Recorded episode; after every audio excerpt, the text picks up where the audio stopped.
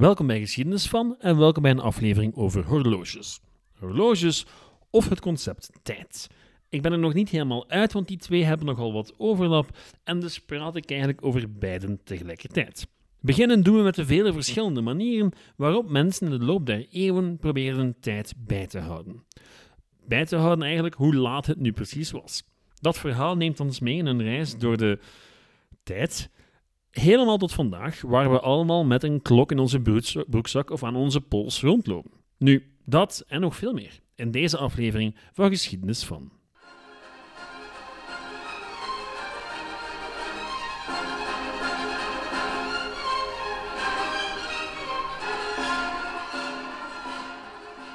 Tijd is een vreemd concept. Afhankelijk van hoe je er naar kijkt, is het objectief of subjectief. We beleven het verlopen van tijd allemaal anders, zolang we ons niet baseren op externe informatie. Klein voorbeeldje: voor mijn vrouw kan een half uur één minuut duren, of evengoed drie uur. Het is een kwestie van perspectief. Nu, een tijdsinstrument daarentegen geeft ons een objectief beeld van hoe laat het is, van hoeveel tijd er is verstreken tussen punt A en punt B. Laat vijf mensen raden hoeveel tijd er is verstreken na een half uur en je zal normaal gezien vijf verschillende antwoorden krijgen. Eens iets hebben om een oordeel op te baseren, zoals de stand van de zon, het luiden van een kerkbel of een horloge, is weten hoe laat het is geen kwestie meer van intuïtie, maar simpelweg van weten, van kijken. De ene methode geeft natuurlijk meer succes dan de andere welke methode een maatschappij gebruikt, geef je dan weer een heleboel informatie over hoe die maatschappij in elkaar zit. Een voorbeeldje. In ons reeks over Zwitserland had ik het over hoe de fameuze Zwitserse horlogeindustrie pas echt openbloeide in de tweede helft van de 19e eeuw. Daarvoor was er wel al wat gaande op het vlak van klokken, maar met de komst van de Tweede Industriële Revolutie was weten hoe laat het was belangrijker dan ooit. Wie zijn trein wou halen, moest weten hoe laat het was. Hetzelfde gold voor iemand die om 9.30 uur een afspraak had bij de bank. Een verpleegster wiens shift eindigde om 10.30 uur, enzovoort en zo verder. Die noodzaak om precies te kunnen weten hoe laat het was, was nieuw, toch op zijn minst voor een zeer groot deel van de bevolking. In dezelfde periode werden overal in het Ottomaanse Rijk klokkentorens neergeplont, van Sarajevo tot Aleppo als een teken van modernisering, van hoe het Ottomaanse Rijk mee wou evolueren met zijn tijd. Goed, de domme grapjes schrijven zichzelf en er komen er nog veel meer. Mijn excuses, maar ik kon me absoluut niet inhouden.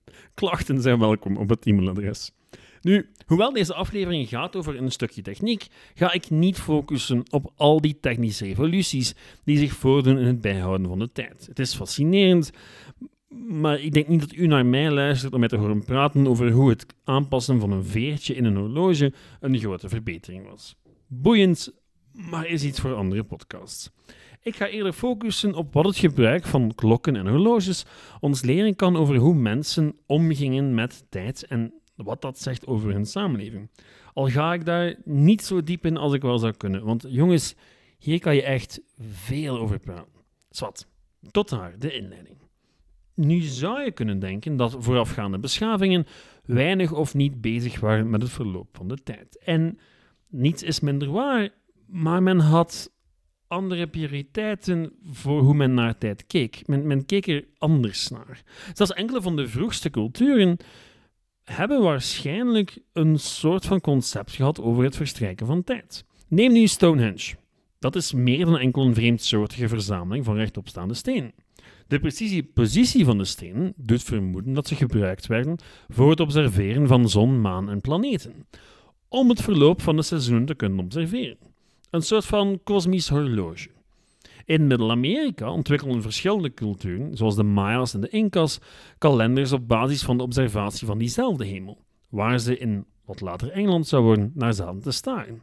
In Australië was dat een stam, de Yaraldi, die op basis van observatie van de zon de dag kon onderverdelen in zeven delen. En ook in andere culturen had je een heleboel instrumenten om de tijd bij te houden. Meestal wel gebaseerd op een of ander hemellichaam. Zonnewijzers zijn natuurlijk het bekendste voorbeeld. Egyptische obelisken begonnen hun leven als een manier om de tijd aan te duiden, zo rond 3500 voor Christus, met behulp van hun schaduw. Echte draagbare zonnewijzers dateren van circa 1500 voor Christus. Zelfs in de Bijbel zijn er referenties naar zonnewijzers. Om maar te zeggen dat een heleboel maatschappijen al lang voor de Zwitsers bezig waren met tijdsverloop. Of het nu de Egyptenaren, de Babyloniërs of de zeer vroege inwoners van Engeland waren. Die zonnewijzers waren natuurlijk verre van feilloos. Ze maakten gebruik van de stand van de zon en de stand van de zon die hangt af van locatie. De eerste zonnewijzer die in Rome belandde, bijvoorbeeld, wel, die was geplunderd in Sicilië. En die zou 100 jaar lang het verkeerde tijdstip aangeven, tot men hen aanpaste aan zijn nieuwe locatie in Rome. Feit is dat zonnewijzers zeer lang gebruikt zijn geweest. Je ziet ze in België vaak nog op gebouwen prijken of in een parkje of dergelijke meer. Ik herinner me dat ik ooit in een Asterix en Obelix album um, een Romein zag met een soort van zonnewijzer aan zijn pols. Een duidelijk verwijzing naar een polshorloge. En oké, dat is nooit gebeurd. Maar zonnewijzers waren echt wel ingeburgerd bij de aristocratie en bij de tempels, waar ja, tijd wat belangrijker was. Natuurlijk, voor de overgrote meerderheid van de bevolking volstond de zon, of de haan, of later de kerkbel. Maar daarover straks meer. Een andere methode om de tijd bij te houden was de waterklok. Opnieuw voor het eerst gebruikt, zo rond het jaar 1500 voor Christus, in het oude Egypte. Ook de Macedoniërs en de Chinezen hadden gelijkaardige instrumenten. Het principe was simpel en niet afhankelijk van zon of maan. Laat water zwaartekrachtgewijs uit een schaal of een kom druppen en aan de hand van lijntjes en getallen op de rand van de kom wist je hoeveel tijd er gepasseerd was sinds het in gang zetten van de klok. Eenvoudig, maar effectief. En door de eeuwen heen zouden verschillende straffe denkers proberen het principe te perfectioneren. Zij met een versie met kwik, zodat de klok ook bij vriestemperaturen bleef functioneren, of een astronomische waterklok, of, en dit is mijn persoonlijke favoriet, de klok die Plato gebouwd zou hebben om zijn studenten wakker te maken. Die bestaan zou hebben uit loden ballen die op een gegeven moment op een koperen plaat vielen. Top idee. Van Bagdad tot Rome, van Cordoba tot Athene werden waterklokken gebruikt. Om de spreektijd af te meten in Romeinse rechtszalen, de tijd van gebed aan te geven in moskees, of astrologen erop te wijzen welke planeet ze normaal gezien zouden kunnen zien die avond. Zeer handige dingetjes dus. Iets minder bekend, maar werkend op hetzelfde principe, is de Chinese wierookklok. Wierook brandt immers op een gelijklopend tempo en kon dus even goed gebruikt worden om de tijd aan te geven als water. Nog volgens hetzelfde principe werkten kaarsklokken en wel, er zijn er nog. Het is zeer boeiend, maar we staan natuurlijk nog redelijk ver af van het horloge. Om dichter te komen bij het horloge moeten we het hebben over astrolabiums. Dat waren mechanismes die een beetje werkten zoals het hedendaagse horloge. Zij het een pak minder precies. En in het begin dienden ze eigenlijk vooral om kalenders bij te houden. Kalenders en de stand van de maan en de zon. Maar het is hetzelfde principe dat later gebruikt zou worden om de uren van de dag bij te houden. Die astrolabiums werden initieel gebruikt en gemaakt door islamitische astronomen en wetenschappers vanaf de 11e eeuw na Christus. En ze zouden langzaam maar zeker beginnen doordringen tot in West-Europa, waar men er dan ook mee aan de slag ging. In Europa Vanaf zowat de 14e eeuw zou je de eerste mechanische klokken zien opduiken. Wat we weten, omdat een zekere Dante Alighieri, de dichter, weet u wel, in zijn Divina Commedia gebruik maakt van klokmechaniek als een metafoor voor het opstijgen van zielen naar de hemel. Dichters. Nu, die mechanieken werden vooral gebruikt om de tijd aan te geven op publieke gebouwen, zoals Belforten, kerken enzovoort. Wat me tot een eerder punt brengt. Het bijhouden van tijd was lange tijd geen zaak voor de gewone burger. De kerk, de moskee of de lokale overheid nam meestal de verantwoordelijkheid op zich. De paar individuen die een exemplaar thuis hadden staan, waren meestal wetenschappers. En dat begon langzaamaan te veranderen vanaf de 15e eeuw. Klokken begonnen op steeds meer plekken op te duiken en de mechaniekjes erachter werden steeds preciezer. Waar het eerder al een mirakel was als een klok het uur precies aangeven kon, was men zo rond 1475 al bij minuten aanbeland. En de mechanismen van die klokjes werden ook steeds kleiner. Seconden werden voor het eerst gebruikt in 1577 in Nuremberg, met de pendelklok. Want blijkbaar heeft die pendel een zeer groot nut in een klok te helpen om precies de tijd bij te houden, om een soort van balans te creëren. Nu, klokken werden preciezer, maar horloges, daar was nog veel werk aan. Die horloges of draagbare klokken zien we opduiken in de 16e eeuw en ze werkten tot het midden van de 20e eeuw allemaal volgens hetzelfde principe. Met een veer die opgewonden werd en vervolgens het hele mechanisme deed werken. Horloges moesten om de zoveel tijd letterlijk opgewonden worden. Nu niet meer, dankzij het elektrische horloge, maar het was iets zeer belangrijks, want het opwinnen van die veer en hoe die veer dan omging met die energie bepaalde hoe precies die, die klok ging zijn. De eerste voorbeelden zien we opnieuw in Nuremberg van de hand van een zekere Peter Henlein. Die maakte een sortiment van ronde horloges die je rond je nek dragen kon. Zo rond 1511 kon zo'n horloge van Henlein je 40 uur lang laten weten hoe laat het was. Waarna je het opnieuw moest opwinnen natuurlijk. Staat nog zeer ver af van ons hedendaagse horloge, logischerwijze. Die eerste exemplaren waren eigenlijk ook helemaal niet bedoeld als een praktisch instrument om elke dag te gaan gebruiken. Het waren kostbare kleinoden, meer kunstwerkjes dan iets anders. Het feit dat ze in alle handen nogal onpraktische vormen werden geproduceerd, is daar een bewijs van. Boeken, dieren, fruit, sterren, bloemen, insecten, kruisen en zelfs doodshoofden. Daarbovenop waren ze niet bijster precies en moesten ze om de zoveel tijd opnieuw opvinden. Waarom mensen dit dan droegen? Wel, het waren statements. Van rijkdom, natuurlijk, maar evengoed van het feit dat men mee was met zijn tijd. Net zoals je vandaag een Apple Watch draagt. De 16e eeuw was het moment van de opbloei van de Europese renaissance, van een nieuw tijdperk voor wetenschap en de kunsten. En wat beter om te tonen dat je volledig mee bent met een nieuwe hype, dan door een kunstig stukje wetenschap met je mee te torsen. Hoe onpraktisch ook. Vanaf de 17e eeuw begon er meer praktische op te duiken. Nog niet bijster exact, maar evenmin in de vorm van een doodshoofd of een bijbel. De grote doorbraak kwam er in 1675 met de uitvinding van een nieuw soort veer. Plots werden de horloges een pak exacter dan tevoren en dus kon hun praktisch nut ook groter worden. Mannen droegen ze niet langer rond hun nek, maar in hun broekzak. Het zakhorloge. Niet langer kostbare kleinoden om mee op te scheppen, maar praktische instrumenten die veiliger waren in een binnenzak dan rond de nek. Ze mochten wel een pak preciezer zijn dan 16e-eeuwse voorgangers, maar wind en regen konden nog steeds een heleboel schade aanrichten. Vanaf het einde van de 17e en begin van de 18e eeuw ging het snel. De ene mechanische verbetering naar de andere zorgde ervoor dat horloges steeds beter werden en makkelijker te produceren. Het waren in die tijd vooral de Britten die zich bezighielden met het produceren van horloges. En dat is geen toeval, want horloges waren uiterst nuttige instrumenten op zee. Met behulp van een horloge en de stand van de zon of maan konden de zeevaarders bepalen waar ze ongeveer waren. En wie was wat de belangrijkste zeevarende natie in de 17e en 18e eeuw? Yep, de Britten. In 1714 besloot de Britse overheid een beloning aan te bieden voor de slimmerik die iets kon bedenken om op het schip de lengtegraad te bepalen. Het was een klokkenmaker genaamd John Harrison die met de oplossing kwam. Hij kwam met de chronometer, het meest exacte tijdinstrument tot dan toe. Ze kwam om met het op- en neergaan van zeeschepen, hitte en kou en was na tien weken gebruik maar vijf seconden fout. Het was echt een wonder voor zijn tijd. Desalniettemin wil dat nog steeds niet zeggen dat horloges wijdverspreid waren in de 17e en 18e eeuw.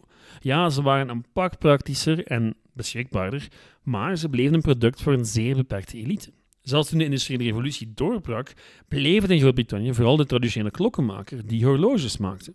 Het waren de Amerikanen die erin slaagden om voor het eerst horloges op grote schaal te produceren.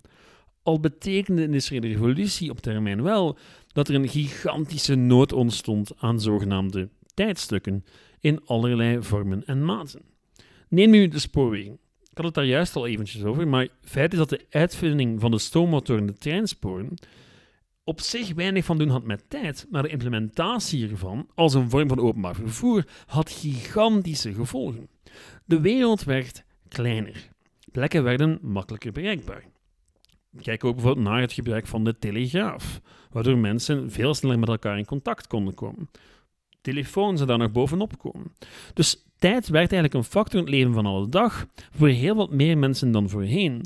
Want om die middelen goed te kunnen gebruiken, moest men een idee hebben van de tijd, van hoe laat het was bij jou en bij andere mensen. En dat lijkt zeer voor de hand liggen voor onze generatie, maar men heeft echt wat aanpassingen moeten doen. Want, kijk, een voorbeeldje. Tot in de 19e eeuw, en in het geval van Nederland tot in de 20e eeuw, was er in veel landen geen sprake van een nationale tijdzone. Integendeel, zowat elke regio, stad of dorp had zijn eigen tijd. En dat is ook logisch, want tijd wordt bepaald aan de hand van de stand van de zon. En die is anders op een andere locatie. En tevoren was dat geen enkel probleem geweest. Niemand had er last van dat de klok van het Belfort in Gent en die van de Onze Vrouwkathedraal in Antwerpen niet dezelfde tijd aangaven. Maar eens het contact tussen die twee veel intenser werd en er via telegraaf en trein, en trein intens gecommuniceerd wordt tussen de twee, werd dat wel degelijk problematisch. En dus moest er een nationale tijd komen. Al was die aanpassing niet altijd even gemakkelijk. In Nederland bijvoorbeeld had de spoorwegmaatschappij een standaardtijd opgesteld, maar bleven daarnaast de lokale tijden ook nog een tijdje gelden. Wat natuurlijk voor een heleboel chaos moet gezorgd hebben. Maar goed, men paste zich uiteindelijk wel aan. Met de maatschappij die steeds meer op tijd begon te draaien, was er ook een steeds grotere nood om te weten hoe laat het nu precies was. Niet enkel op de klok bij je thuis, maar evengoed in je broekzak of, nog praktischer, aan de pols. Of waarom het geen toeval is dat het horloge pas echt furoren begon te maken bij een groot deel van de bevolking in de tweede helft van de 19e eeuw. Al zagen die horloges er wel anders uit dan tevoren. De zakhorloges waren vaak met een ketting verbonden aan vest of broek, maar in de 19e eeuw kwam het polshorloge. Een pak praktischer voor de gebruiker en dankzij de vele verbeteringen in techniek was dat horloge veel beter bestand tegen weer en wind dan tevoren. Initieel enkel voor vrouwen bestemd, maar in de 19e eeuw werd het een optie voor mannen. In de scheepvaart logischerwijze, maar ook op het slagveld. Want ja, aanval op een afgesproken tijdstip beginnen bood heel wat voordeel. En dus werd het polshorloge langzaam maar zeker een standaard onderdeel van de uitrusting voor officieren in heel wat legers. In het begin met niet meer dan horloges die met een stukje leer aan de pols konden worden vastgemaakt, maar dat evolueerde al snel. En het waren de Zwitsers die vooral voor het zakhorloge met zeer veel innovaties op de proppen kwamen. Bijvoorbeeld het metalen bandje, waar dan, wat nu zeer vaak gebruikt wordt, waar dan het horloge aan vastgemaakt wordt. Nu, die Zwitsers hadden een ongelooflijke reputatie in de tijdsindustrie, als ik het zo mag noemen. De Zwitserse overheid legde zeer strenge normen op voor in Zwitserland geproduceerde tijdstukken. En het zorgde ervoor dat de Zwitsers een reputatie kregen voor betrouwbare, goede tijdstukken, horloges en klokken enzovoort. De echte doorbraak van polshorloges bij een breed publiek lijkt er pas gekomen te zijn met de Eerste Wereldoorlog. Want ja, gezien de aard van die oorlog, waarbij men zeer vaak in loopgraven zat en het belang van bombardementen immens groot was, was tijd, zelfs voor de gemiddelde soldaat in de loopgraven, zeer belangrijk. Om te weten wanneer aan te vallen, wanneer over die loopgraaf te kruipen enzovoort. En door dat heroïsch karakter dat het horloge plots kreeg, werd het ook een pak makkelijker aanvaard in de algemene maatschappij. Het is dus eigenlijk op het einde van die 19e eeuw, van de lange 19e eeuw, die we laten eindigen in 1918, dat je ziet dat ja, tijd totaal veranderd is in zijn perceptie en ook een persoonlijk dingetje geworden is. En die evolutie is niet gestopt. Horloges zijn alleen maar preciezer en praktischer geworden, helemaal tot de dag van vandaag. Het tijdperk van digitale horloges en smartphones. Hoe we op de hoogte blijven van de tijd, zegt zeer veel over onze relatie met tijd. En net daarom biedt dit onderwerp nog zoveel meer gesprekstof dan het beetje waar ik het vandaag over gehad heb. Ik heb gewoon het gevoel dat ik me nog een pak meer moet inlezen. Maar goed, daar ga ik het vandaag wel bij houden. We zijn zeer snel door de geschiedenis van klokken, horloges en de tijd in het algemeen gegaan. Er is een pak meer te vertellen, maar dan moet ik eens mijn uh, tijd nemen om me in te lezen in de materie. Sorry, dat was het laatste. Voor klachten over de flauwe suggesties en aanmoedigingen kan u terecht op geschiedenisvan.outlook.be, de Facebookgroep Geschiedenis van en de website Geschiedenis van. Bedankt voor het luisteren en tot volgende week.